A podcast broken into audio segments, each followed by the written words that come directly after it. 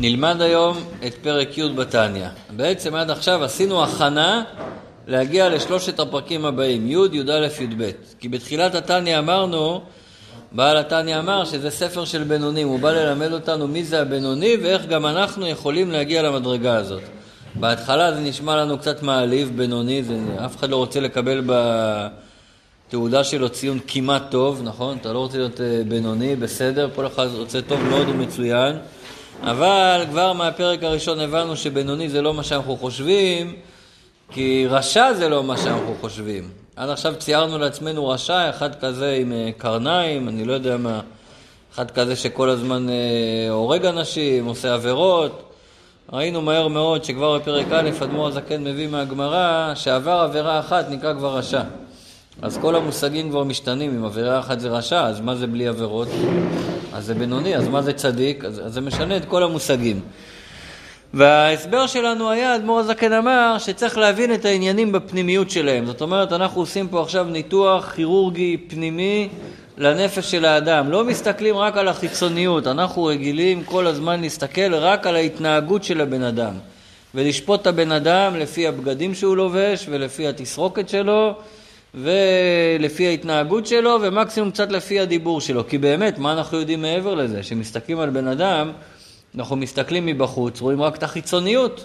רואים באמת את הלבושים שלו ואת ההתנהגות שלו ומה הוא אומר, אבל מה הוא חושב אנחנו לא יודעים, ומה הוא מרגיש בלב אין לנו מושג, ומה עובר לו במוח בכלל אין לנו שמץ של מושג על זה. אז מור הזקן אמר, אם רוצים להבין באמת, לפי התניא, לפי הפנימיות, לפי החסידות, לפי תורת הסוד את המושגים האלה, צדיק, רשע ובינוני, אי אפשר להסתפק רק בהסתכלות חיצונית, איך הבן אדם מתנהג. כי זה לא חוכמה. בן אדם מתנהג בחוץ, הוא יכול לעשות הצגות. כמה אנשים יש שעושים הצגות בעולם ונראים לך מבחוץ צדיקים, תשאל אחרי זה את האישה שלהם מה את אומרת עליו ותגיד לך, הוא צדיק בחוץ. ראיתי את זה בייעוד זוגי, שזוג יכול להיות זוג הכי מקסים בעולם, וכולם מוקסמים מהם, וכולם אה, מאוהבים בהם, הם נכנסים הביתה, סוגרים את הדלת, עולם אחר לגמרי. כל מה שרואים בחוץ, הכל משתנה. כי זה רק חיצוניות, מה הבעיה? מה? איך אומרים? ש... שמתפעלים בבית כנסת, כל אחד עושה ככה את ההצגה, כמו כולם. אתה רוצה לראות אותו באמת? בוא נראה אותו שהוא מתפעל בבית. שאומר קריאת שמע על המיטה בבית, בוא נראה אם אז באמת הוא עושה את כל ה... למה? שלא מסתכלים עליך, אז אתה מתנהג אחרת. היה פעם משפיע מאוד uh, חזק בחב"ד, קראו לו ראובן דונין. אני פה מישהו שמכיר אותו טוב, השפעה שלו. אז פעם מישהו בא להתייעץ איתו, הוא אומר לו שהוא רוצה להתפלל ערבית באריכות. רוצה להשקיע בתפילת ערבית, תפילת שמונה עשרה, להתפלל אותה באריכות, זאת אומרת שייקח לו יותר זמן, וישקיע בזה. אבל הוא לא רוצה מול כולם, שלא כולם יראו שהוא, שלא יהיה יניקה לחיצונים שכאילו הוא עושה פה גאווה והוא מתפאר בעיניהם. אז הוא ביקש עצה, אז הוא אמר לו ככה, תראו איזה עצה. הוא אמר לו, תבוא לבית כנסת, למניין, תעמוד עם כולם בתפילה, תעשה כאילו שאתה מתפלל, אחרי זה תחזור הביתה, תלך לחדר, תנעל אותו, שאף אחד לא רואה אותך, ושם תתפלל באריכות. אז הוא הרגיש שזה הוציא לו את כל האוויר מהבלון, למה? כי הוא הרגיש, מה, מה זה שווה להתפלל שם באריכות? אף אחד לא יראה את זה, אף אחד לא ידע מזה, אז מה עשיתי בזה? כי הרבה פעמים, זה שבחיצוניות אתה רואה את הבן אדם מתנהג ככה, אבל אתה לא יודע מה עובר לו בפנימיות. עכשיו, כל הפרקים עד עכשיו הסברנו מה באמת עובר לבן אדם בפנימיות, איך עובדת הנפש האלוקית עם השכל והרגש והלבושים, ואיך עובדת הנפש הבעמית, אה, מה זה עבירה ומה זה ביטול, וכל המושגים שלמדנו. בפרק הקודם עשינו ממש סיכום איך נראה המאבק בין הנפש האלוקית לנפש הבעמית ומה כל אחת מהן רוצה, ועכשיו, ואיך זה נראה גם שכל אחת מהן מצליחה לממש את הרצונות שלה. ועכשיו בשלושת הפרקים הבאים, הכל היה הכנה לפרקים האלה, איך זה נראה אצל הצדיק בפועל, איך זה נראה אצל הרשע, כמובן גם הדרגות השונות שבזה, כי אמרנו בפרק א', צדיק וטוב לו, צדיק ורע לו, רשע וטוב לו, רשע ורע לו, אז פרק י' זה יהיה על הצדיק, שני, שתי הדרגות, פרק י"א על הרשע ופרק י"ב על, הבנ... על הבינוני. האמת שזה ימשיך על הבינוני חמישה פרקים. אפילו שישה, עד פרק י"ז כולל. אז נתחיל היום עם הצדיק, אבל כבר אני עושה לכם הכנה זה לא הצדיק שאנחנו חשבנו עליו עד היום. אנחנו מסתכלים, בן אדם רואים שהוא עושה הרבה מצוות, אומרים לו איזה צדיק אתה. רואים בן אדם שעוזר לאנשים אחרים, בן אדם שקצת מוותר, בן אדם שקצת אה, נותן מעצמו, נותן צדקה, אומרים לו שהוא צדיק. זה נכון, הוא צדיק במעשה שלו, באותו רגע הוא צדיק במעשה שלו. אבל בעל התניא אומר, אל תסתכל על החיצוניות. בואו נראה מה עובר לאדם בפנימיות. יכול להיות שבחיצוניות הוא עושה את כל המצוות, אבל בפנימיות הוא רשע. למה? עוד פעם, כי צריך להבין את ההגדרות. מה אתה אומר? איך אפשר לראות את הפנימיות? או, באמת אי אפשר לראות. ולכן מעכשיו אני מציע לכולנו לא לקבוע יותר מי צדיק, מי רשע, מי בינוני, לחשוב על כולם שהם צדיקים, ואמר כולם צדיקים, ללמד על כולם זכות. באמת זה אחד הלימודים הכי חזקים מספר התניא. אי אפשר לראות את הפנימיות, ואל תנסה להיות אחד שמבין יותר מכולם, ותלמד על כולם זכות. באמת, מה אתה יודע, מה ההתנהגות שלו, מאיפה זה מגיע, מאיפה זה לא מגיע. באמת נלמד על כולם זכות. אבל, מצד שני, כדי להבין גם את המדרגה שלנו, ולהבין איך אנחנו מתקרבים למדרגה של בינוני, אז בואו נעשה את ההבחנה הזאת, מה זה הצדיק האמיתי, מה זה הבינוני האמיתי ומה זה הרשע האמיתי, כן? עכשיו יש עוד הקדמה מאוד חשובה. היום בעולם המודרני, בעולם המערבי, לא מאמינים שיש צדיקים. לא מאמינים למושג הזה. תדבר עם בן אדם שחי את העולם, כן, שהוא לא בתורה ומצוות, לא, מה פתאום, זה לא אמיתי, זה הכל סיפורים, אין דברים כאלה, אין אנשים כאלה. כל אחד עושה דברים לא טובים, כל אחד... אנחנו מאמינים בצדיקים. עם ישראל מאמינים בצדיקים, וכל ההיסטוריה שלנו על הצדיקים, אברהם אבינו, ויצחק, ויעקב, ומשה רבנו, ויוסף הצדיק, ואחרי זה כל תקופת השופטים והנביאים, והתנאים והאמוראים, אנחנו מאמינים בצדיקים. הם מאמינים בצדיק כזה, שזה מה שנלמד בפרק הזה היום, שאין בו רע בכלל. אפילו מה שכתוב שבע יפול צדיק וקם, זה לא הצדיק של התניא, זה צדיק שלא נופל. זה צדיק שיש בו שלמות שאנחנו לא מכירים אותה, זה כל הבעיה. אנחנו, כיוון שאנחנו כל כך רחוקים מזה, אנחנו לא מכירים את זה, ובפרט מי שלא נפגש עם צדיק, אה, לא רק פנים אל פנים, לא נפגש עם המושג הזה, או עם, עם בן אדם שיכול להיות בדרגה כזאת, אז קשה לו להאמין שדבר כזה יכול להיות. אבל אנחנו מאמינים בזה באמונה שלמה, שיש דבר כזה צדיקים, ופשוט צריך להבין כרגע מה, זה, מה בדיוק הדבר הזה אומר. אה, הם תמיד שואלים, נו, אז מי צדיק, מה צדיק? אז אני אומר, בוא נגיד, הכי פשוט, אנחנו מכירים את הרבי.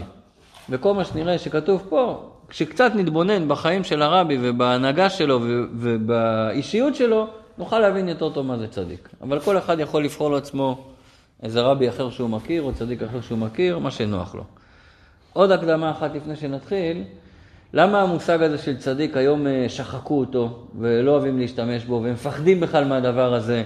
מה זאת אומרת, יש, אל תאמין לזה וכולו וכולו. כי באמת, היו הרבה אנשים גדולים שראינו שהם נפלו. וראינו שהם נפלו למקומות אה, הכי הכי נמוכים. מי שלומד חסידות לא מתפלא מזה בכלל.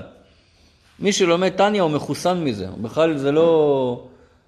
הוא לא מתפלא מדבר כזה. למה? כי זה האלף בית של התניא, שכל אחד יש לו נפש בעמית, וגם אם הבן אדם בחיצוניות לומד תורה כל היום, בחיצוניות עושה חסד כל היום, בחיצוניות נותן צדקה, בחיצוניות עוזר לכולם, בסדר, אבל בפנימיות יכול להיות שעדיין הנפש הבעמית שולטת בו, אז אלה יכול להיות שהוא גם ייפול. מי זה שלא נופל זה הצדיק בדרגה הזאת, שזה, נראה את זה היום בפנים. אז אנחנו בעמוד 28. כן. הצדיק אומרים, זה הצדיק של התורה גם כן? כן. התורה זה רק נוח ויוסף. אה, שהתורה קוראת לו צדיק? כן. לא, לא, לא, לא לזה התכוונתי. לא, לא, כל הצדיקים של עם ישראל, האבות הקדושים, משה רבנו, יהושע, כל הצדיקים שלנו. כן, אז זה לא רק מה שהתורה קוראת. אני לא הבנתי את השאלה שלך. פרק י', עמוד 28, אמצע העמוד. כן. אם התורה אדם שעבר עבירה, אפילו הכי קטנה, דברי סופרים, כביכול, אז אין מצב של הצדיק, בגלל של התניא. אם זה בוודאות עבירה, למרות שעוד פעם, לא תמיד אתה יודע מה אתה רואה, לא תמיד אתה יודע מה אתה רואה, ולא תמיד מה שאתה רואה אתה מבין, ולא תמיד אנחנו יודעים למה בן אדם עושה מה שהוא עושה, ואולי בקונוטציה אחת זה עבירה, בקונוטציה אחרת זה לא נקרא עבירה, כי לפעמים זה תלוי במקום ובזמן ומה הרב שלו אמר לו לעשות וכולי וכולי, אבל בגדול, אם הוא הלך נגד רצון השם, לא משנה איך תקרא לזה כרגע, הלך נגד רצון השם, סימן שהוא לא צדיק, בוודאי. צדיק מבוטל לחלוטין לרצון השם. זה מה שנקרא עכשיו בפנים, בואו נראה את זה בפנים. פרק י' והנה כשהאדם מגביר נפשו האלוקית ונלחם כל כך עם הבהמית, עד כמה הוא נלחם בה? עד שמגרש ומבער הרע שבה מחלל השמאלי. שימו לב, מה למדנו עד עכשיו? יש התנהגות של הבן אדם, יש את הדיבור, יש את המחשבות, יש את הרגש, את הלב. זה שהוא ישתלט על ההתנהגות שלו ומתנהג כמו שצריך, זה בוודאי, זה לא שאלה בכלל. זה בוודאי שהצדיק בהתנהגות שלו מתנהג בהתאם לרצון השם. כפי שכתוב בתורה שבכתב, בתורה שבעל פה. בוודאי שבדיבור שלו גם כן, זאת אומרת שהוא לא מדבר לשון הרע, והוא לא מרמה, והוא לא משקר, והוא מדבר דברים טובים, זה בוודאי גם כן. וגם במחשבות. החידוש שאדמו"ר הזקן יגיד עכשיו, זה לא לגבי החיצוניות של מחשבה, דיבור ומעשה, זה בוודאי שיש את זה בצדיק. החידוש הוא לגבי הלב שלו, שגם בלב, ששם נמצא, למדנו בפרק א', ולמדנו את זה בפרק ט', בפרק הקודם, שם נמצאות התאוות ושם נמצאים הרצונות השליליים, גם שם הוא ניצח את המאבק. זה החידוש הגדול, זה הפלא הגדול. כי להאמין שיש בן אדם שמצליח כל הזמן לשמור על עצמו ולא לעבור עבירות, בסדר, זה קשה, אבל אני מבין שאם הוא מאוד מתאמץ בזה, אז יכול להיות שיצליח. אבל זה שיעשה את השינוי הפנימי גם בלב, זה הפלא הגדול. זאת אומרת, אצלנו אני מכיר מצב שיש בן אדם שמאוד בא לו לדבר לשון הרע, כי זה כיף לו, אני לא יודע מה, הוא רוצה להתכבד בקלון חברו, הוא רוצה לא לדבר לשון הרע, לקרוא לשון הרע בעיתונים, הוא נהנה מזה. אני מבין שהוא רוצה והוא מצליח להתגבר. אבל זה שעכשיו אדמו"ר הזקן מחדש, שיש בן אדם כזה שלא רוצה את זה אפילו. לא רק שהוא לא רוצה את זה, הוא מואס בזה. מה פירוש שהוא מואס בזה? זה מגעיל אותו. כמו שיש דברים אצלנו שגם אותנו מגעילים בחיים שלנו, אבל זה לאו דווקא דברים שהקדוש ברוך הוא אמר שצריכים להגעיל אותנו. הוא אצלו זה ככה על כל דבר שנקרא קליפה. מה זה קליפה למדנו? כל דבר שהוא לא קדושה. כל דבר שהוא לא רצון השם, הדבר הזה דוחה אותו. נדחה מזה, יכול להיות שהוא מקיא מזה. הוא בורח מזה. זה שגם ברמת הלב, ברגל שיש את זה, זה חידוש גדול. זה חידוש שקשה להאמין שהוא קיים. עד כדי כך שאני זוכר שפעם למדתי פרק א' טניה, לא משנה איפה, אבל השתתפו בשיעור הזה, השתתפו כלה של, זה היה איזה, השתתפו כמה נשים מאיזה חסידות, חוץ מהקהל הרגיל שהגיע, וכמה הם היו, אחת הייתה הכלה של האדמו"ר, ואחת הייתה הבת שלה, הנכדה של האדמו"ר. אז שלמדנו בפרק א', שהבינוני לא עובר עבירות בכלל, והצדיק אין לו אפילו יצר הרע, כן? אין לו אפילו את הרצון לעבור עבירות, אז קמה הנכדה של האדמו"ר ואמרה לי ככה, מה שאמרת על הבינוני זה צדיק גמור. מה שאמרת על הצדיק, אין דברים כאלה. זאת אומרת, אנשים לא מאמינים שזה קיים בכלל, דבר כזה, שיכול להיות בן אדם שכל כך עבד על עצמו והצליח להביא את עצמו למדרגה שאין לו אפילו רצון בחלל השמאלי שבלב לשום דבר שלילי. אין לו שום תאווה לדבר שהתורה אוסרת אותו. זה, זה עבודה או שזה מהות? אני לא. פה הוא כותב שזה עבודה. בן אדם נלחם כל כך עם הבעמית עד שמגרש ומבאר הרע שבא. מה זה הרע שבא? הרע שבנפש הבעמית, כי למדנו בפרק א' שיש את הרע שבנפש הבעמית ויש את הטוב שבנפש הבעמית. הרע אמרנו זה כעס וגאווה מיסוד האש, ותאוות תנוגים מיסוד המים, והוללות וליצנות והתפארות ודברים בטלים מיסוד הרוח, ועצלות ועצלות מיסוד האפר. והטוב שבה, אמרנו, זה רחמנות וגמילות חסדים וביישנות. כן, ביישנות, אה, לא כתוב בתניא, אבל זה גם ביישנות. אז מגרש את הרע שבה, זה שיישאר הטוב שבה של רחמנות וגמילות חסדים, אין בעיה, אבל את הרע שבה הוא מגרש. זאת אומרת, בואו נוריד את זה עכשיו לתכלס. הוא גירש את הגאווה, אין לו יותר את הרצון הזאת להתגאות על כולם. אין לו את הרצון הזה יותר. אתם מכירים בן אדם כזה שאין לו יותר רצון לבלוט, ואין לו רצון להתגאות, להרגיש יותר מכולם, ואין לו את הכעס יותר. הוא לא כועס יותר, ולא מפריע לו שאנשים, אה, לא יודע מה, לא עושים מה שהוא אומר. לא כועס על זה, הוא מקבל שהכל בהשגחה פרטית. ואין לו תאוות התענוגים יותר. הוא לא מחפש את הכיף הזה שכולם מחפשים, להתפנק בעולם ולקייף בעולם, לא מחפש את זה. ואין לו את ההוללות והליצנות ולבזבז זמן. הוא חדור במטרה, יודע מה התפקיד שלו בעולם, הוא לא מחפש לבזבז זמן או סתם להעביר זמן. ואין לו גם את העצלות והעצבות, גם זה כבר עבר ממנו. נו, אז כולם שואלים, אז מה נשאר? אם אין את כל אלה, מה נשאר? נשאר את הצד של הקדושה. אבל זו מדרגה כל כך גבוהה שאי אפשר לדמיין בכלל. עכשיו אדמו"ר הזקן יגיד, רגע, זה לא המדרגה הכי גבוהה. זה עוד נקרא צדיק שאינו גמור. עוד מעט נראה מה זה צדיק גמור, אבל בואו נקרא קצת בפנים. כמו שכתוב, וביארת הרע מקרבך. זה כתוב בתורה על אה, להוציא את האנשים הלא טובים כאילו, אבל פה הוא אומר להוציא את הרע מתוכך, הכוונה מתוך הלב שלך.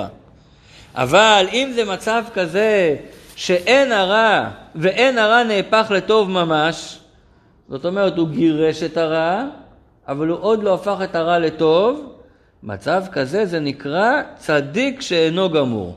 הוא עוד לא הגיע למעלה של שהוא צדיק לגמרי, הוא עדיין צדיק שאינו גמור. היום נבין את ההבדל בין צדיק גמור לשאינו גמור, אבל לאט לאט. וגם קוראים לזה צדיק ורע לו. קצת מהמילים האלה נבין טוב יותר. בדרך כלל צדיק ורע לו, מקשרים את זה עם השאלה איך יכול להיות שבעולם הזה יש אחד צדיק ורע לו ויש רשע וטוב לו. מה מתכוונים? איך יכול להיות שיש אחד צדיק ורע לו בחיים? זאת אומרת, הוא לא מצליח אה, כלכלית, בריאותית, אה, משפחתית, ויש אחד אה, רשע וטוב לו. אתה רואה שהוא רשע ופותח את העסק בשבת ועושה הרבה כסף. איך זה יכול להיות? זו שאלה פילוסופית. פה הוא לא מדבר על זה בכלל, בכלל, בכלל. זה בכלל לא הנקודה. צדיק ורע לו, לא שרע לו בחיים. צדיק ורע לו שיש בו עדיין רע בלב, כי הוא לא הפך אותו עדיין לטוב. אז אם הוא לא הפך עדיין לטוב, משמע שעדיין נשאר שם קצת רע, אבל רע לא, רע לא עם ו', הכוונה שהרע כפוף ובטל לטוב. זאת אומרת, יש מצב כזה שיש כל כך הרבה יותר טוב מרע, שהרע הוא לא מורגש. ולכן יכול להיות צדיק כזה, שבאמת עבד קשה, לבער ולגרש את הרע מתוך הלב, ואפילו נשאר שם קצת רע, הוא כבר לא מרגיש את זה שנשאר בו רע. באמת הוא חושב שהוא ביער את כל הרע שבו. למה? כי מה שנשאר הוא כל כך זניח, שלא מרגישים את זה ביחס לטוב. זאת אומרת, אם נשאר שם עוד טיפה תאווה לאיזה משהו, אבל הוא לא מרגיש, זה לא בא לידי ביטוי אף פעם. זה לא בא לידי ביטוי במעשה דיבור ומחשבה, זה בוודאי שלא, כי זה גם אצל הבינוני לא. זה לא בא לידי ביטוי שאין לו את החשק הזה, אבל מה? זה עדיין נמצא שם. אז תשאלו, אז מה המשמעות שזה עדיין נמצא שם, אם עדיין, אם הוא כבר לא מרגיש את זה? נענה על זה בהמשך. אפילו הדקויות? גם הדקויות. גם דקויות? כן, גם דקויות. גם דקויות, בטח. כעס, דרך אגב, חשוב להדגיש שיכול להיות כעס, יש גם יש כעס של קדושה. כן, כתוב שמשה רבנו כעס, יש כעס מעניינים של קדושה, מותר לכעוס. אבל מה שאין לו כעס זה על של העולם הזה. אבל בקדושה יכול להיות כעס, יש מושג כזה. מה זה צדיק ורע לו? דהיינו שיש בו עדיין מעט מזער רע בחלל השמאלי, עדיין נשאר שם טיפה רע, אלא שהרע הזה כפוף ובטל לטוב מחמת מיעוטו, כיוון שהוא כל כך אה, מעט, הוא זניח ביחס לטוב. הוא ייתן בהמשך את הדוגמה שאנחנו לומדים ביטול בשישים. יש דבר כזה שנקרא שאם לסיר כשר נפל חתיכה של טרף, ויש פי שישים יותר כשר מאשר טרף, אז הטרף הזה בטל בשישים. ועכשיו אפשר לאכול את כל הסיר הזה. זאת אומרת שיש פי שישים יותר uh, טוב מהרע, הרע כאילו לא מורגש. אבל, סליחה, ולכן נדמה לו לאותו צדיק ורע לו, כי ויגרשהו וילך לו כולו לגמרי, הוא חושב באמת שאין בו רע יותר.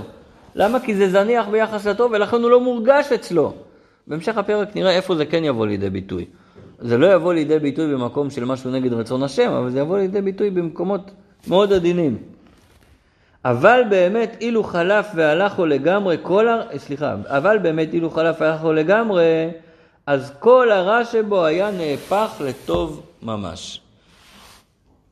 אולי נסביר עוד טיפה, דיברנו על זה בפרק ט', אם אתם זוכרים, בפרק הקודם דיברנו שכשהנפש האלוקית, אה, אמרנו שבחלל הימני יהיה תוכו רצוף אהבה מלא וגדוש, עד שתתפשט גם לחלל השמאלי, ואז אמרנו שתי שלבים. אחד, לאיקפיה לסטרא אחרא, לכפות היצר הרע ולא לתת לו להתבטא, והשני אמרנו, אה, לשנותה ולהפכה מתענוגי העולם הזה לאהבת השם.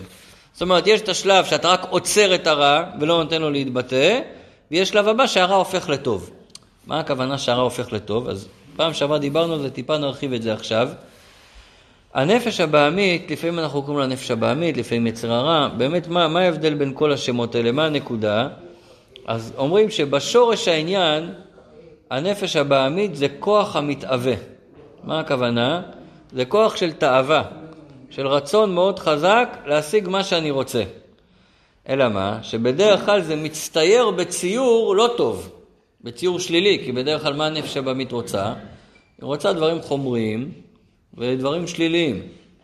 ולכן אנחנו קוראים לזה יצר הרע. אבל בשורש שלו זה כוח המתהווה. כוח המתהווה הזה אפשר להפוך אותו לטוב. איך להפוך אותו לטוב? שבמקום שהוא ירצה דברים שליליים, הוא ירצה דברים חיוביים. זה גם לא כזה מסובך, דוד המלך אומר בתהילים, קרבת אלוקים לי טוב, נכון? אנחנו מה אומרים? אנחנו לא חושבים על אלוקים בדרך כלל. קרבת גלידה לי טוב, הוא אוהב את הדברים הטעימים. אבל אם נשכנע אותו שמה שהכי טעים ומה שהכי טוב זה אלוקים, אז הוא גם יגיד קרבת אלוקים לי טוב. זאת אומרת, השינוי פה יכול לבוא אפילו באופן שכלי, כן? שפשוט נבין מה הטוב האמיתי, ואז את הכוח המתהווה הזה, במקום לממש אותו בדברים השליליים, נשתמש בו לדברים החיוביים. אז לצד, אצל הצדיק ורע לו, הכוח המתהווה כרגע הוא לא בא לידי ביטוי בדברים השליליים, אבל הוא עדיין לא הפך אותו שהוא ירצה רק את הדברים החיוביים. זה הצדיק הגמור, כל הכוח המתהווה הזה, כל הרצון הזה, הוא רק על דברים חיוביים. עכשיו נראה קצת יותר, הוא יסביר מי זה הצדיק וטוב לו, אז לפי זה גם נבין יותר טוב את הצדיק, וגם נבין יותר טוב את הצדיק ורע לו. כן.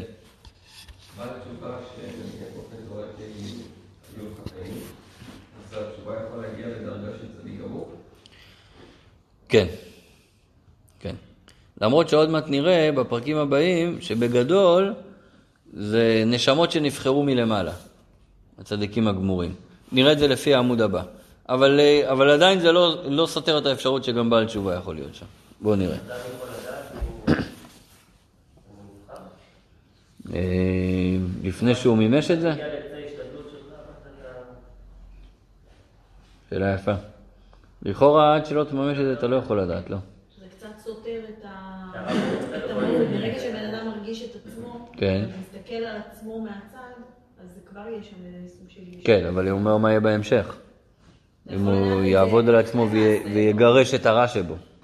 תכף נראה, לפי העמוד הבא שנגדיר מה זה הצדיק גמור, אז, אז יהיה לנו יותר ברור כל ההבנה הזאת. אם אדם יודע שהוא נבחר, כן. זה סותר את הבחירה. אז זה הוא יענה על זה בפרק אה, י"ג השאלה הזאת. הוא יגיד, בוא, בוא נלמד, נגיע לשם לאט לאט. בסדר? כרגע זה יהיה מסובך קצת להסביר, אחרי שנלמד את זה, קל יותר להבין את זה. אפילו אחרי חצי עמוד הבא נבין את זה כבר. וביאור העניין. כי הנה צדיק גמור, שנהפך הרע שלו לטוב, ולכן נקרא צדיק וטוב לו, אין לו כבר רע, אלא יש לו רק טוב. איך מגיעים לדרגה הזאת? איך הוא הגיע לשם? הוא על ידי הסרת הבגדים הצועים לגמרי מהרע. דרך אגב, יש פה עוד שאלה שאפשר לשאול, הרי התניא ספר של בינונים. אז מה עכשיו אתה מסביר לי איך הצדיק הגיע לזה? מה, הרי איך שאתה מתחיל את הספר אתה אומר אנחנו בינונים, אנחנו בכלל לא שייכים לזה. אז מה עכשיו אתה מסביר לי איך הצדיק הגיע לזה? מה, מה, זה, מה זה משנה לי? טוב, אפשר להגיד כמה תשובות. קודם כל, היום אין שאלה כזאת, כיוון שאנחנו מתקרבים לגאולה, וכולנו נהיה צדיקים בגאולה, צריך להתכונן. בפרט שהרבי, אחת השיחות המיוחדות שהוא אמר בשנת תשנ"א, אחת השיחות של הדבר מלכות של השנה האחרונה, הוא אמר שהיום כבר כל אחד יכול להיות צדיק. זה קצת מבלבל מכל מה שנלמד פה עכשיו, אבל צריך לדעת שהוא אמר דבר כזה. טוב, סיבה שנייה יותר אה, שכתוב במפרשים של התניא, שבשביל להבין מה זה בינוני צריך להבין מי זה הצדיק. אז בשביל זה אנחנו לומדים מי זה הצדיק. סיבה שלישית, שתבין מה זה צדיק, אז תבין הרבה יותר גם את המהות של הקשר בינך לבין הצדיק. וכמה יש חשיבות, וכמה הקשר הזה תופס מקום בחיים של חסיד, מתוך ההבנה שמי זה הצדיק הזה ומאיפה הוא פועל. אז בואו נראה. אז איך הצדיק הזה הגיע לדרגה שלו? על ידי הסרת הבגדים הצועים לגמרי מהרע. מה פירוש הסרת הבגדים הצועים לגמרי מהרע? דהיינו, למאוס מאוד בתענוגי עולם הזה. זה דבר ראשון. העבודה של הצדיק הזה, שענייני העולם הזה, תענוגי העולם הזה, הוא מואס בהם. למה? לכאורה, למה למאוס בתענוגי עולם הזה? מה כל כך גרוע בתענוגי עולם הזה?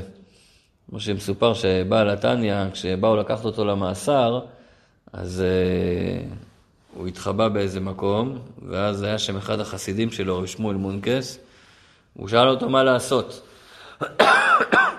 האם uh, להסגיר את עצמו או לברוח, כי הם איימו שהם uh, יתחילו להרוג שם אנשים אם הוא לא יסגיר את עצמו וכולי.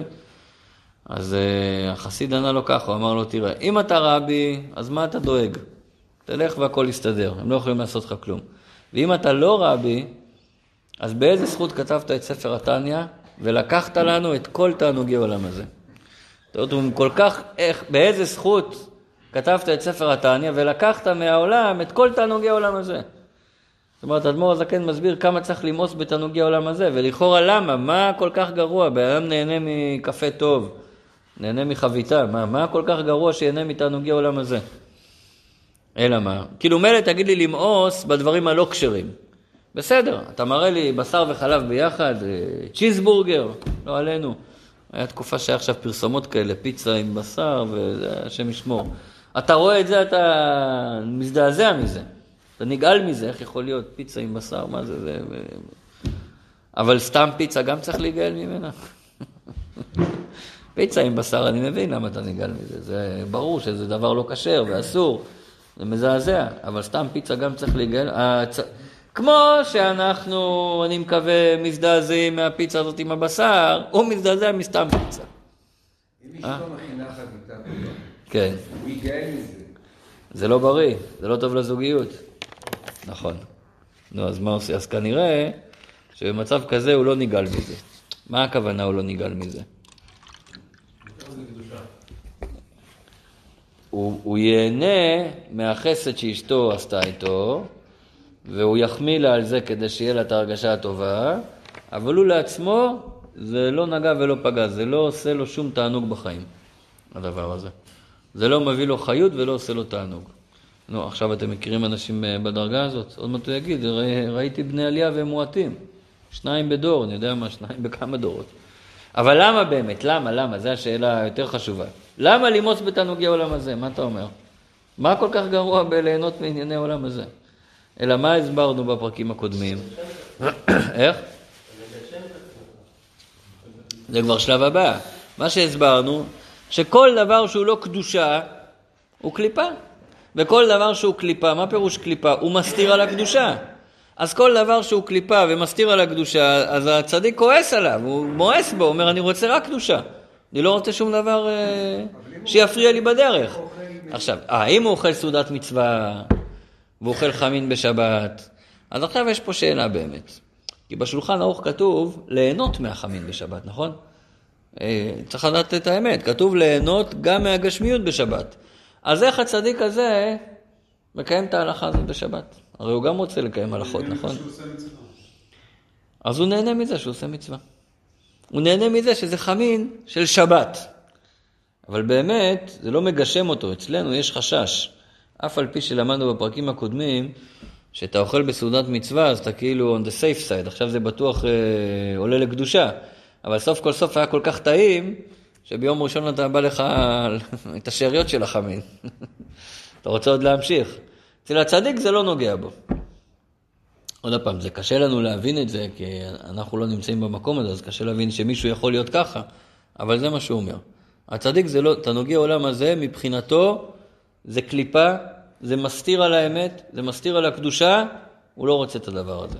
אם התורה מצווה שצריך להתענג מזה, כמו עם החביתה עם אשתו בשביל שלום בית, וכמו בשבת, וכמו בסעודה של ברית מילה או משהו כזה, אז שמה הוא יתענג מזה. אבל יתענג לא מהגשמיות שבזה, אלא מהמצווה שבזה. אם אדם הולך בשביל הבריאות שלו לטבע, או, אז הנה, זה מה, מה, מה, מהשורה הבאה נבין את זה. דהיינו למאוס מאוד בתענוגי עולם הזה, להתענג בם בתענוגות בני אדם, למלות תאוות הגוף בלבד ולא לעבודת השם. זאת אומרת, מתי הוא מואס בתענוגי עולם הזה? שזה למלות את תאוות הגוף בלבד ולא לעבודת השם. אבל אם זה בשביל עבודת השם, אז הוא לא מואס בזה.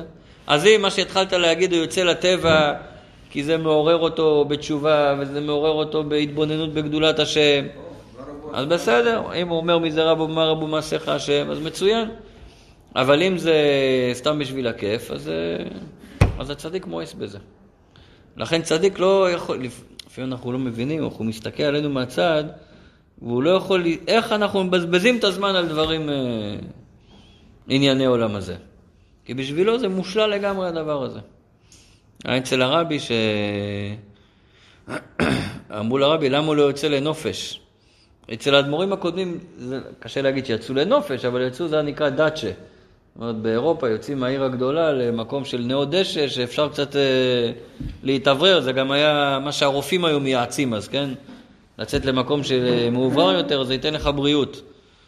אז אה, הרבי ישב, אה, הוא אמר שהוא ישב עם הרבנית, אני חושב, לשתות כוס או משהו כזה, ישבו כמה דקות על הכוס תה, אז הוא אמר, יצאנו ידי, ידי חובת הנופש.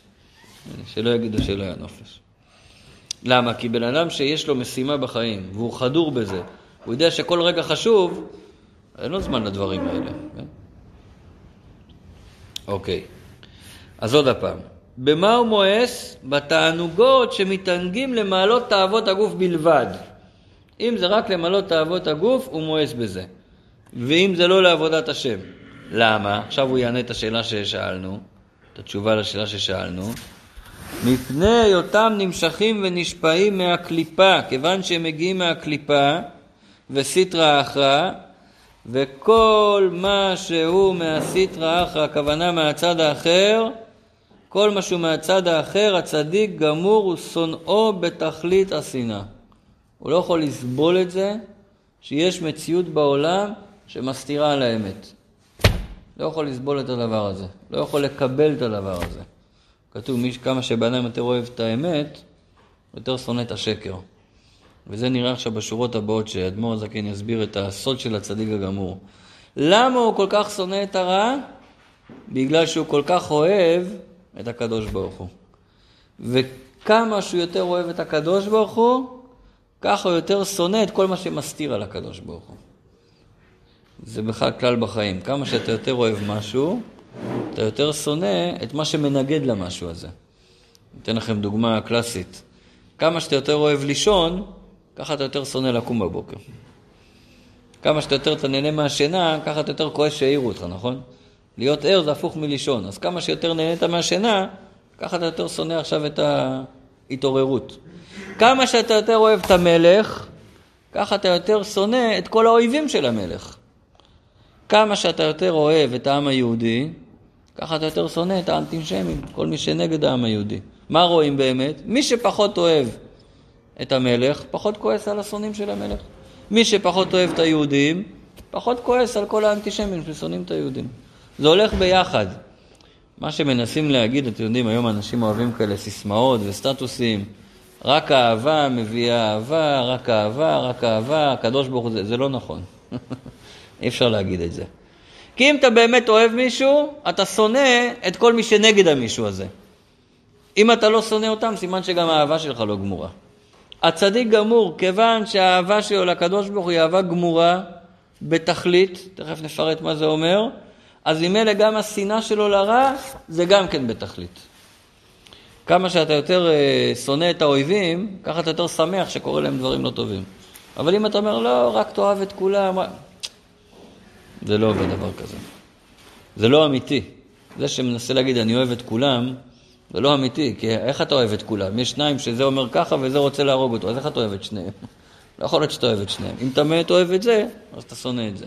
זה לא הולך ביחד. פה הוא יגיד עכשיו ששנאה, אז הוא יקרא לזה, בשבילך הוא יענה על זה ויגיד ששנאה הכוונה מיאוס. מואס בדבר הזה. זה הכוונה, הוא מואס בזה, הוא לא יכול להסתכל על זה. כמו שאמרנו קודם, שיהודי שיש לו לב חם ליהדות, הוא התחנך על תורה ומצוות, תראה לו בשר חזיר, זה מגעיל אותו. אז הוא גם תראה לו את הסטייק אנטריקוט במסעדה שהולכים לאכול שם סתם בשביל התאווה, זה גם כן מגעיל אותו. זה הכוונה שהוא שונא את זה. הוא מואס בזה. הוא לא מסוגל לראות את זה, הוא לא מסוגל להיות עם זה, הוא, הוא לא יכול... זה רק אצל צדיק, אצל בינוני, אני קצת מקדים מה אומר בפרקים הבאים, בינוני, היחס שלו לתאוות, יש לו תאוות, הוא עדיין רוצה את הדברים האלה, הוא עדיין נמשך לזה, רק מה, הוא יודע לעשות סטופ, הוא יודע להעמיד גבולות, הוא יודע לשלוט בעצמו, יש לו משמעת עצמית, בסדר. הצדיק, הוא לא צריך את המשמעת העצמית הזאת כבר, למה? כי הוא לא רוצה את זה בכלל. אולי קצת כדי לקרב את זה, אולי טיפה בכל זאת... בואי ניתן את הדוגמה שאמרנו עכשיו עוד פעם של חזיר. כמו שאצלנו, זה לא שבא לי לאכול כל יום אה, חזיר ואני משתלט על עצמי לא לאכול את זה. אני לא צריך להשתלט על עצמי לא לאכול את זה, זה מגעיל אותי הדבר, זה לא יכול להסתכל על זה. או, או בואו ניקח דוגמה יותר אה, רלוונטית אלינו. חזיר, סוף כל סוף, האמת אני לא יודע איך זה נראה אפילו בצלחת, יכול להיות שזה נראה כמו סטייק רגיל, ואז אה, לא יודע אם זה יגעיל אותך. אבל תיקח, אה, אני לא רוצה להגעיל אתכם פה עכשיו אה, באמצע השיעור, אבל אה, תיקח סטייק שמישהו הקיא עליו, אתה יכול לאכול את זה? אתה לא יכול לאכול את זה, נכון? זה מגעיל אותך, זה דוחה אותך. בסדר, ככה הוא מסתכל על גם על, על כל תענוגי עולם הזה, זה דוחה אותו. כמו שזה דוחה אותנו, זה דוחה אותו. אה, איך הוא הגיע לזה? בואו נראה בפנים. וכל מה שהוא מהסטרא אחא מהצד האחר הצדיק גמור ושונאו בתכלית השנאה, למה? מחמת גודל אהבתו להשם וקדושתו באהבה רבה בתענוגים וחיבה יתרה הנזכרת לעיל שלמדנו בפרק הקודם, פרק ט'. מרוב שיש לו אהבה לקדושה, אז לא נשאר שם אפילו טיפה אהבה לצד השני, הוא מואס בצד השני. הוא לא יכול להסתכל על זה בכלל. כי הם, זאת אומרת, דיברנו רק על אוכל, אני מדבר על לשון הרע. הוא מואס במושג הזה, לא רק לדבר לשון הרע, להקשיב למישהו שמדבר לשון הרע. מישהו יתחיל לדבר לשון הרע, הוא בורח משם. כמו שאנחנו, יש דברים שאנחנו לא מסוגלים לשמוע, אני לא יודע מה, ידברו נגד ה... אני יודע מה, אני אשב עם אנשים והם ידברו על הילדים שלי. יתחילו להגיד דברים לא טובים על הילדים שלי, אני אגיד לו, אני לא מסוגל לשמוע את מה שאתה אומר, תפסיק, אני יוצא, אני לא יכול לשמוע את זה. ככה הוא על כל לשון הרע ירגיש. למה? זה כל כך, הוא שונא את זה, מואס בזה, הוא לא יכול לשמוע את זה. כי הם זה לעומת זה, מה הכוונה עם זה לעומת זה? כדכתיב, כמו שאמר, אומר דוד המלך בתהילים, תכלית שנאה שנאתים לאויבים היו לי. על מי הוא מדבר שם? על השונאים של הקדוש ברוך הוא. הוא אומר, אני שונא את השונאים של הקדוש ברוך הוא. אתה רוצה לבדוק אותי? חקרני ודע לבבי. בוא תראה אצלי בלב שיש רק אהבה לטוב, וממילא יש שנאה לרע. יש שנאה לרע, ממילא יש אהבה לטוב. זה הולך ביחד. אבל בעיקר, כפי גודל האהבה שיש לו לטוב, ככה גודל השנאה שיש לו לרע. אז כמה שאתה יותר אוהב את המלך, ככה אתה יותר שונא את כל מי שמנגד לו. כמה שאני יותר אוהב את הרבי, אוהב איזה צדיק, ככה כל מי שידבר נגדו, אני אשתגע מזה. איך אתה יכול לדבר נגדו? איך אתה יכול להגיד דבר כזה? אני מואס בכל אחד שיגיד משהו נגדו. למה? כי בשבילי זה הטוב האמיתי, זה הטהרה האמיתית. אני אוהב את זה, כל דבר אחר, אני נגד זה. לפי זה אפשר להבין למה בן אדם באמת... אה, היהדות היא קיצונית קצת, כן? היהדות החרדית. מה זה חרדית? תראו עכשיו עם הקורונה, כולם נהיו חרדים. צריך לשטוף ידיים, צריך זה, לשמוע לכל הערות, מחמירים, לא שבוע, שבועיים. למה? כי אתה אומר, בוא'נה, יש פה מצב של uh, סכנת... Uh, זה חיים ומוות. אם זה חיים ומוות, או צריך להישמר. עוד מעט תראו, כל מה שכולם עושים עכשיו, אנחנו בפסח עושים את זה כל שנה, נכון? מתארים, מחטאים, שוטפים ידיים, זה, לא נכנסים להתחיל לעבוד במטבח לפני שבדקו את הידיים, את הציפורניים, את ה... למה? ממה מפחדים? לא מהקורונה, מפחדים מהחמץ. טוב, מה הקורונה כבר יכול לעשות לך הכי הרבה? להרוג אותך, אבל החמץ זה עבירה של כרת, זה הרבה יותר גרוע מילה, זה לא בעולם הזה, בעולם הבא. בכל אופן, עוד הפעם, כמה שיותר אוהבים את הטוב, יותר שונאים את הרע. ואי אפשר בלי זה, אי אפשר להגיד אני רק אוהב. אם אתה אוהב באמת את הטוב, אתה חייב לשנוא את הרע. רק פה הוא הגדיר לנו, הטוב זה קדושה והרע זה כל, כל דבר אחר. אז כל דבר אחר זה לא רק אה, מה שלא כשר, גם מה שכשר, אבל זה לא הקדושה, גם את זה הוא מואס בזה. וכפי ערך גודל אהבה להשם, כך ערך גודל השנאה לסטרא אחא והמיאוס, והמיאוס ברא בתכלית, כי המיאוס הוא הפך האהבה ממש כמו השנאה. המיאוס פה זה שנאה, זה אותו דבר. אז כמה שהוא יותר אוהב את הטוב, אוהב את הקדושה, ככה יותר מואס ברא. ואם הוא לא מואס ברא לגמרי, ולא מפריע לו אה, שיש כאלה שמתנגדים לקדוש ברוך הוא, שמתנגדים למלך, סימן שהוא לא אוהב את המלך עד הסוף. אם היה אוהב את המלך, את הקדוש ברוך הוא עד הסוף, אז היה מואס בכל מי שהולך נגד הקדוש ברוך הוא. זה צדיק גמור.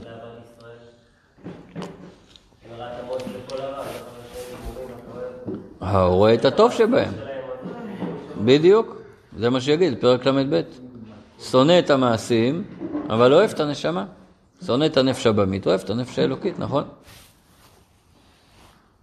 תשאל שאלה אחרת, איך הוא הגיע לאהבה כל כך גדולה לקדוש ברוך הוא? זה באמת, נגיד בהמשך, שזה מתנה שהוא קיבל מלמעלה. וזה הכוונה שהוא נבחר לזה, שהוא קיבל את המתנה הזאת. זה גם לא בסתירה לבחירה, כי גם מי שלא קיבל את המתנה, יש לו בחירה אם לעבור עבירה או לא. אבל אם להגיע לדרגה הזאת של אהבה או לא, זה באמת מתנה מלמעלה. אז לכן גם עניתי לשאלה ששאלת קודם על בעל תשובה. אם הקדוש ברוך הוא החליט לתת את המתנה הזאת לבעל תשובה פתאום, אז אין בעיה, יכול להיות שגם הוא יקבל את המתנה הזאת. וצד... אז עכשיו, אחרי שהסברנו מה זה צדיק גמור, שהוא מואס ברע לגמרי כי יש לו אהבה בתכלית לקדוש ברוך הוא, עכשיו נבין מה זה צדיק שאינו גמור. שניהם מואסים ברע. שניהם יש להם אהבה מאוד גדולה לקדוש ברוך הוא. השאלה אם הוא מואס בתכלית או מואס בלי המילה בתכלית. השאלה אם זה אהבה רבה גמורה או שזה אהבה מאוד גדולה אבל לא באותה עוצמה כמו הצדיק אה, וטוב לו. בואו נראה בפנים. וצדיק שאינו גמור הוא שאינו שונא הסטרא אחא בתכלית השנאה, ממילא כיוון שהמיעוט שלו בקליפה הוא לא עד הסוף, לכן אינו מואס גם כן אה, ברא בתכלית. וכל שאין השנאה והמיאוס בתכלית, אז מה נשאר עכשיו? תראו איזה ניתוח אה, כירורגי לתוך הלב של הצדיק. מה האדמו"ר הזקן מגלה לנו שהולך שם, כי אנחנו באמת לא כך מבינים בזה. הוא אומר, מה נשאר שם בפנים? הוא אומר, כל ש... אם השנאה והמיוס הם לא בתכלית, על כן נשאר איזה שמץ אהבה ותענוג לשם, ולא הוסרו הבגדים הצויים לגמרי מכל וכל. אם הוא לא מואס לגמרי ברע, סימן שהרע עדיין טיפה מושך אותו. אמנם הוא לא מרגיש את זה, כי זה טיפה, זה בטל בשישים. אבל אם הוא לא מואס לגמרי ברע, סימן שעדיין הרע איך אומרים, הוא לא מקיא כשהוא רואה את, ה... את, ה... את הבשר הזה, כמו שאמרנו קודם. זה מגעיל אותו, אבל לא עד הסוף. יש על זה משל מאוד יפה. אומרים, מה, זה ההבדל,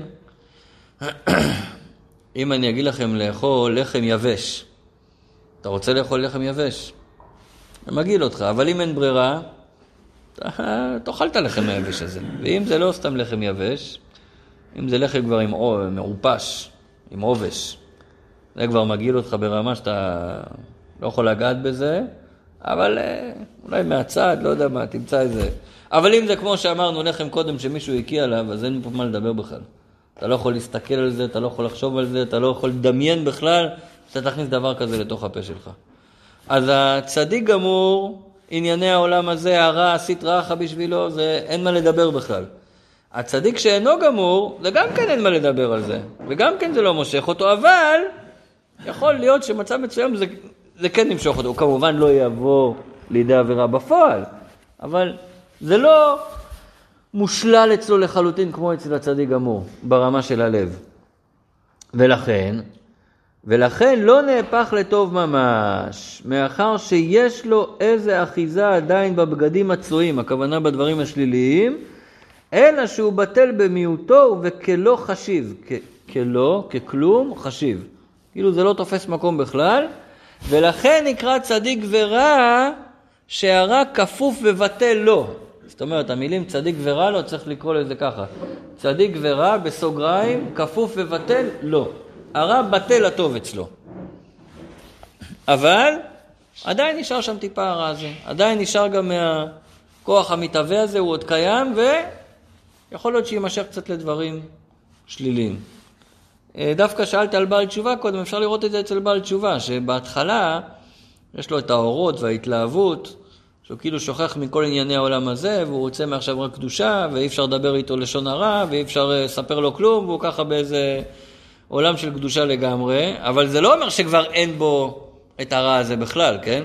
כרגע מלמעלה נותנים לו איזו השראה אלוקית כזאת שהוא לא ירגיש את זה. אבל זה עדיין נמצא שם, ממילא זה יכול אה, להתעורר מחדש. גם בביטול בשישים יש מושג כזה בהלכה שנקרא חוזר וניעור. כאילו הדבר שבטל יכול להתעורר עוד פעם, ואז עוד פעם זה יהיה בגדר איסור. ועל כן, כיוון שהוא לא מואס ברע לגמרי, גם אהבתו להשם אינו בתכלית, ולכן נקרא צדיק שאינו גמור. אז זה שני ההבדלים בין צדיק ורע לו, צדיק וטוב לו, בין צדיק שאינו גמור וצדיק גמור, כמה הוא אוהב את הטוב וכמה הוא מואס ברע. אצל הצדיק גמור זה טוטאלי לשני הכיוונים. זה טוטאלי לכיוון של האהבה של הטוב, וזה טוטאלי לכיוון המאיסה ברע.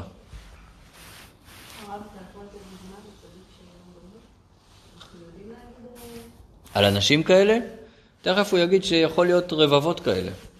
שבגמרא כתוב שיש 18 אלף כאלה. שזה בעצם בן אדם שעבד על עצמו כל כך קשה, ועבד על עצמו כל כך טוב, שבאמת הוציא את הרע, ובאמת הרע עכשיו אה, דוחה אותו, לא עד הסוף, אבל דוחה אותו.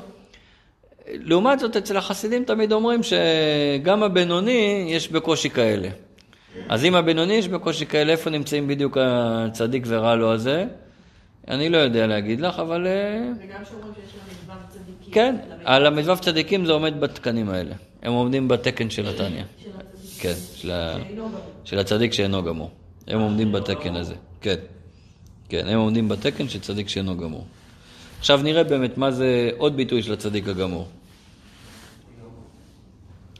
והנה, מדרגה זו של צדיק שאינו גמור, מתחלקת לרבבות מדרגות בעניין בחינת מיעוט הרע, הנשאר מאחת מארבע יסודות הרעים, ובעניין ביטולו במיעוטו, בשישים על דרך משל, או באלף ורבבה וכיוצא.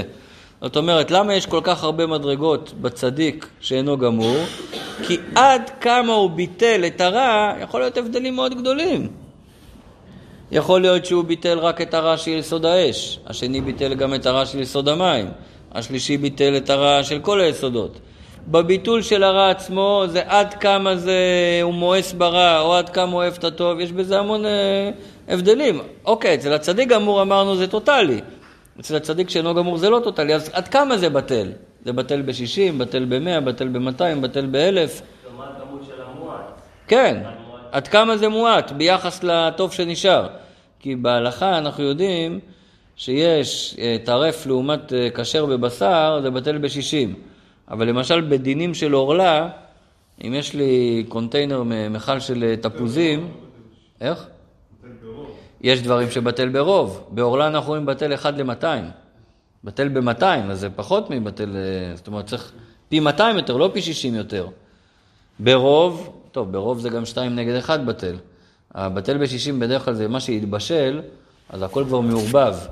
בטל ברוב זה שיש לי דברים שהם עדיין יבשים, אה, לא לחים זה נקרא, לא רטובים, אז הם לא יתערבבו ביניהם, אז אין בעיה ללכת לפי בטל ברוב, אבל פה הוא מדבר על, על מה שהתערבב כבר. ובעניין ביטולו במיעוטו בשישים על דרך משל, או באלף ורבבה וכיוצא על דרך משל.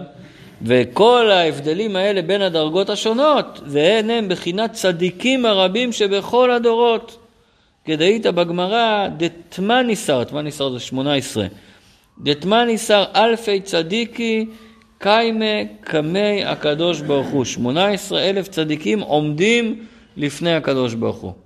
אז יכול להיות בזה אלפי מדרגות, עד כמה הרע הזה בטל בטוב, מבחינה איכותית, מאיזה יסוד, מבחינה כמותית. וכולי. מה זה המספר הזה 18?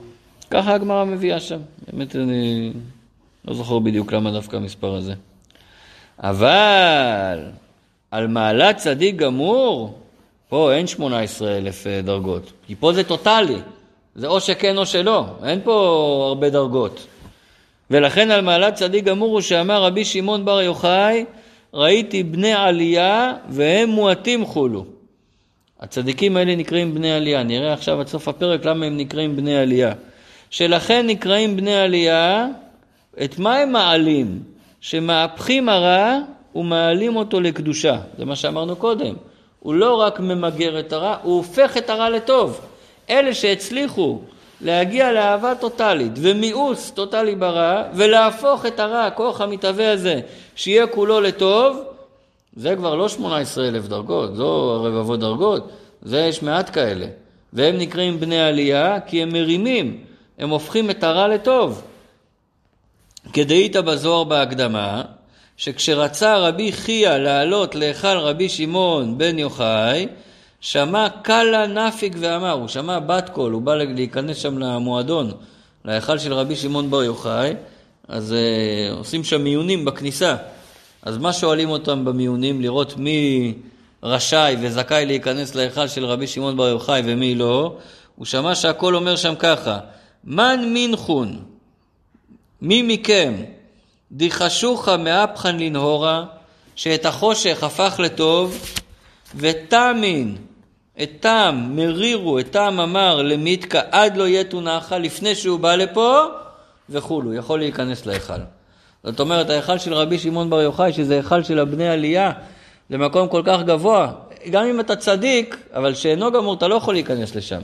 מי יכול להיכנס? רק מי שלפני שהוא הגיע לפה, הכוונה כשהוא היה פה בעולם הזה, הפך את החושך לאור ואת המר למתוק. עשה מהפך של היצר הרע לגמרי, של הנפש הבעמית לגמרי. אז זו סיבה אחת למה הם נקראים בני עלייה. סיבה שנייה, ועוד, ועכשיו אני אמרתי בהתחלה שנראה איפה הצדיק ורע לו, איפה בכל זאת זה מורגש אצלו, שנשאר בו טיפה רע. נראה את זה עכשיו. ועוד נקראים בני עלייה, מפני שגם עבודתם בבחינת ועשה טוב בקיום התורה ומצוותיה, ולצורך גבוה ומעלה מעלה הדרום המעלות, ולא כדי לדבקה בו יתברך בלבד, לרבות צמאון נפשם הצמאה להשם. זאת אומרת, לצדיק שאינו גמור, יכול להיות שעדיין העבודה שלו, יש פה איזשהו קצת אה, אינטרס. אמנם אינטרס רוחני, שהלוואי על כולנו שיהיה לנו את האינטרס הזה, אבל זה לא לשם שמיים באופן מוחלט. כי עדיין יש לו פה הנאה. מה ההנאה פה? הוא מרווה את צמאון נפשו האלוקית. צמא נפשי לאלוקים. הנפש שלו צמאה לאלוקות, ועל ידי תורה ומצוות, מר... על ידי תורה ומצוות, הוא מרווה את הצמאון הזה. אז הוא מרוויח פה משהו. אצל הצדיק גמור, זה רק לצורך גבוה. הכוונה, זה טוטאלי לשם שמיים. אפילו לא יוצא לו מזה כלום, לא יוצא לו מזה כלום, זה רק בשביל הקדוש ברוך הוא. מביא לזה דוגמה. כמו שכתוב, אוי כל צמא לכו למים, זה המשך של הקטע הקודם, וכמו שכתוב במקום אחר, כמו שהתבהר במקום אחר, אלא, אנחנו נלמד את זה בתניא פרק מ', אלא מה זה אצל הצדיק גמור? כדי פירשו בתיקונים, איזהו חסיד המתחסד עם קונו, עם כאן דילי, מה הכוונה? למה החסיד עושה את החסד? לא בשביל עצמו, אלא בשביל בעל הבית שלו. הוא לא עושה את המצוות בשביל העולם הבא, לא בשביל שכר בעולם הבא, לא בשביל גן עדן, לא בשביל שכר בעולם הזה, הוא עושה את זה כי ככה הקדוש ברוך הוא רוצה. מה הפירוש, מה הפירוש כי ככה הקדוש ברוך הוא רוצה? ליחדה קודשא בריחו ושכינתה בתחתונים. זאת אומרת, הוא יודע שהקדוש ברוך הוא ברא את העולם בשביל מטרה. מטרה של העולם זה שיהיה השראת השכינה פה בעולם, שיהיה את הגאולה, שיתגלה אלוקות פה בעולם, שיהיה ייחוד בין קודשא בריחו אור הסובב לשכינתה אור הממלא, שיהיה גילוי אלוקות בעולם, אז הוא כולו חדור במטרה הזאת, הוא לא חושב מה יצא לי מהמטרה הזאת. מה הרווח האישי שלי? מה אני, עם מה אני יצאתי מפה? אלא העיקר שתתמלא המטרה של הקדוש ברוך הוא. זה כמו חייל בצבא, שהוא לא חושב מה אני מרוויח פה מהצבא הזה ומה יוצא לי מהתפקיד הזה, אלא הרמטכ"ל ציווה ככה, המלך ציווה ככה, העיקר שהפקודה תתבצע. אז עוד יותר קשה לנו, עכשיו אנחנו מבינים למה בני עלייה מועטים. שזה בן אדם שהוא נטול אינטרסים לחלוטין, וכל המטרה שלו זה רק שרצון השם יתקיים בעולם. הוא עושה את זה רק את זה שרצון השם יתקיים. תראו, אנחנו גם כן יכולים להיות בזעיר אנפין לפעמים, עושים מדי פעם מעשים טובים, ובאמת אתה אומר, וואו, באמת עכשיו עשיתי את זה לא בשביל משהו, ולא בשביל הרווח, ולא בשביל הכבוד, באמת שהרצון של השם יתגלה בעולם. רק שאצל הצדיק זה כל הזמן ככה. כל הזמן, בכל רגע בחיים שלו, כל המטרה שלו זה רק גילוי של רצון השם בעולם. כן. מה שכתוב בפרק א', כתוב במדרש, רק הקדוש ברוך הוא צדיקים מועטים, אמרת שאנחנו חוזר כן. מועטים זה מהבחינה של לא צדיקים גמורים, שלא הם עדיין רע. לא, מועטים זה הצדיקים גמורים. לכן הם מועטים. שם הוא מדבר וצדיק יסוד עולם, ההמשך של מה שציטטת. וצדיק יסוד עולם הם מועטים. כן, בוודאי. וכמו שכתוב בראיה מאמנה, זה חלק בזוהר, פרשת תצא, שם איזה דוגמה הוא מביא לזה? כברה, ברה זה בן, דאשתדל בתר אבוי ואימי, שעושה בשביל אבא ואימא שלו, דרך חמלון, שאוהב אותם, יתיר מגרמי ונפשי ורוחי ונשמתי, יותר ממה שהוא אוהב את עצמו, את נפשו, רוחו ונשמתו כולו, ומסר גרמי, מוסר את עצמו למי תעלהו, מוכן למות למפרקלון, בשביל להציל את ההורים שלו, וכמו שנדבר במקום אחר. טוב, זה גם אה, קשה למצוא היום בנים כאלה. היום זה ההורים כלפי הבנים, זו דוגמה יותר טובה, אבל אה, פעם היו ילדים כאלה, שמוכנים לעשות הכל בשביל ההורים, וגם למות כדי להציל את ההורים. אז כמו שאנחנו מבינים שיכול להיות בן כזה שעושה הכל בשביל ההורים שלו, ו... עוד פעם, היום גם המושג הזה לא קיים אצלנו. בדור הקודם, הילדים הולכים לעבוד, מביאים את הכסף להורים. היום ההורים משלמים את המשכנתה של הילדים עד אה, גיל 40, עוד משלמים להם משכנתה, אז אנחנו לא מבינים את זה. אבל עד הדור שלנו, באמת הילדים הולכים לעבוד, הכסף הולך להורים, ולא היה שאלה בכלל. זה היה ברור. וילד יודע שבשביל הכיבוד האבא, הכל בשביל האבא, הוא מוכן גם למות בשביל זה. יעשה הכל בשביל האבא שלו. היום התהפכו היוצרות, זה האבא מוכן לעשות הכל בשביל הבן. אבל לא משנה, בכל מקרה אנחנו רואים שיש פה דוגמה שבן אדם מוכן לעשות בשביל מישהו אחר, בוא נלך לדוגמה של התניא, שהבן מוכן לעשות בשביל האבא, גם אם לא יצא לו מזה כלום. אז אותו דבר יהודי יכול להגיע לדרגה כזאת, שהוא מוכן לעשות הכל בשביל הקדוש ברוך הוא. עכשיו, דרך אגב, בפרק מ"א בתניא, אה, שם הוא מדבר על דרגות שונות ביראת שמיים ואהבת השם, והוא מדבר כביכול שאנחנו לא שייכים לדרגות הגבוהות של יראת שמיים, אבל אז הוא אומר, אבל האמת היא שמה, פה זה מה שהכוונה, וכמו שנדבר במקום אחר, בפרק מ"א בתניא, אומר, באמת כולם שייכים למדרגה הזאת. אפילו שזו דרגה גבוהה, מדי פעם. הלשון של הרבי תמיד, אפס קצהו ושמץ מינהו, קצת מזה אתה יכול להגיע לזה. קצת מכל הדרגות האלה, אתה גם יכול לטעום מהם לפעמים. עכשיו היינו בפורים, יוצא חסיד חב"ד לקרוא במגילה למישהו בבידוד. קורא לו מתחת לחלון את המגילת אסתר. אף אחד לא רואה את זה, אף... מה יוצא לך מזה? אתה רואה שהוא עושה את זה, כי זה רצון השם, רצון הרבה אצל חסידים. אבל הוא רוצה לעשות רצון השם בעולם, גם שלא יצא מזה כלום. אז כמובן, אצלנו זה רגעי לזמנים מסוימים. אצל הצדיק זה כל הזמן ככה, כל רגע ככה. באמת, ראו את זה אצל הרבה, שכל רגע מנוצל וכל רגע זה מה כרגע הקדוש ברוך הוא רוצה ממני. מה צריך כרגע לעשות בשביל לגלות מלכותו של הקדוש ברוך הוא בעולם. בואו נסיים את הפרק, נצליח גם את הסוגריים. ושניהם עולים בקנה אחד. מה זה שניהם? העניין של להעלות את הרע לטוב, העניין של להפוך את הרע לטוב, והעניין שעושה לשם שמיים, שניהם עולים בקנה אחד, זה אותו דבר. מי שמצליח להפוך את הרע לטוב, אז באמת עושה לשם שמיים. למה? כי מה אמרנו קודם שהצדיק שאינו גמור עוד נשאר בו טיפה רע? מה זה הטיפה הרע הזה שנשאר בו? שהוא רוצה לרבות צמאון נפשו האלוקית.